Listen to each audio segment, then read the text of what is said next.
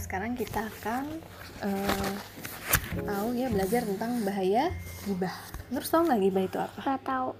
Gibah itu kayak kita ngomongin kejelekan orang lain. Boleh nggak sih kita ngomongin kejelekan orang lain? Gak. Nggak boleh. Harusnya ngomongin kebaikannya ya.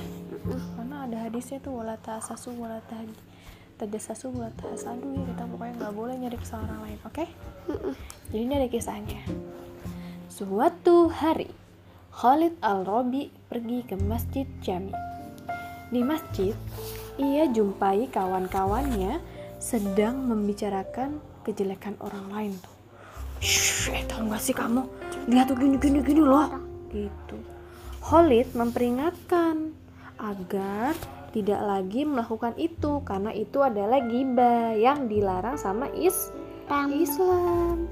Terus akhirnya mereka nurut, oh iya ya nggak boleh ya gitu oh iya betul yang disampaikan sama Khalid Arobi kalau kita itu nggak boleh gibah. Eh tapi beberapa saat kemudian mereka malah menggunjing aib orang lain. Tuh diomongin lagi. Udah udah beda orang yang tadi. A yang ini B. Yang ini Anto abis itu si Budi diomongin. Ganti orang. Setelah itu kembali lagi menggunjing orang pertama. Balik lagi ngomongin si A si Anto misalnya. Diomongin digunjing ya dan sayangnya Khalid Al-Robi yang tadi yang ngingetin malah ikut-ikutan dulu terus malah ngomongin kejelekannya. Betul nggak tuh kayak gitu? Iya.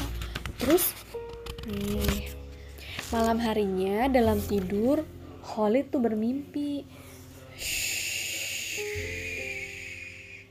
Ya wajah anak makum subata ya dan dijadikan malam sebagai istirahat. Eh apa tidur. Tidur sebagai istirahat seorang lelaki datang menyuruhnya untuk memakan daging babi. Tuh, makanlah ini, kata laki-laki itu. Tentu saja. Khalid kira-kira mau atau enggak? Enggak. Iya, enggak kata Khalid. Demi Allah, aku tak akan memakannya. Tapi kau telah memakan daging yang lebih buruk dari ini, kata si laki-laki itu dengan kasar memaksa Khalid memakannya. Dipaksa dipaksa gitu dimasukin ke mulutnya. Terus Khalid pun segera terbangun dia sadar dengan kesalahannya menggunjing orang lain. Aib orang lain tuh nggak boleh ya. Tapi mimpi itu begitu membekas hingga 30 atau 40 hari kemudian.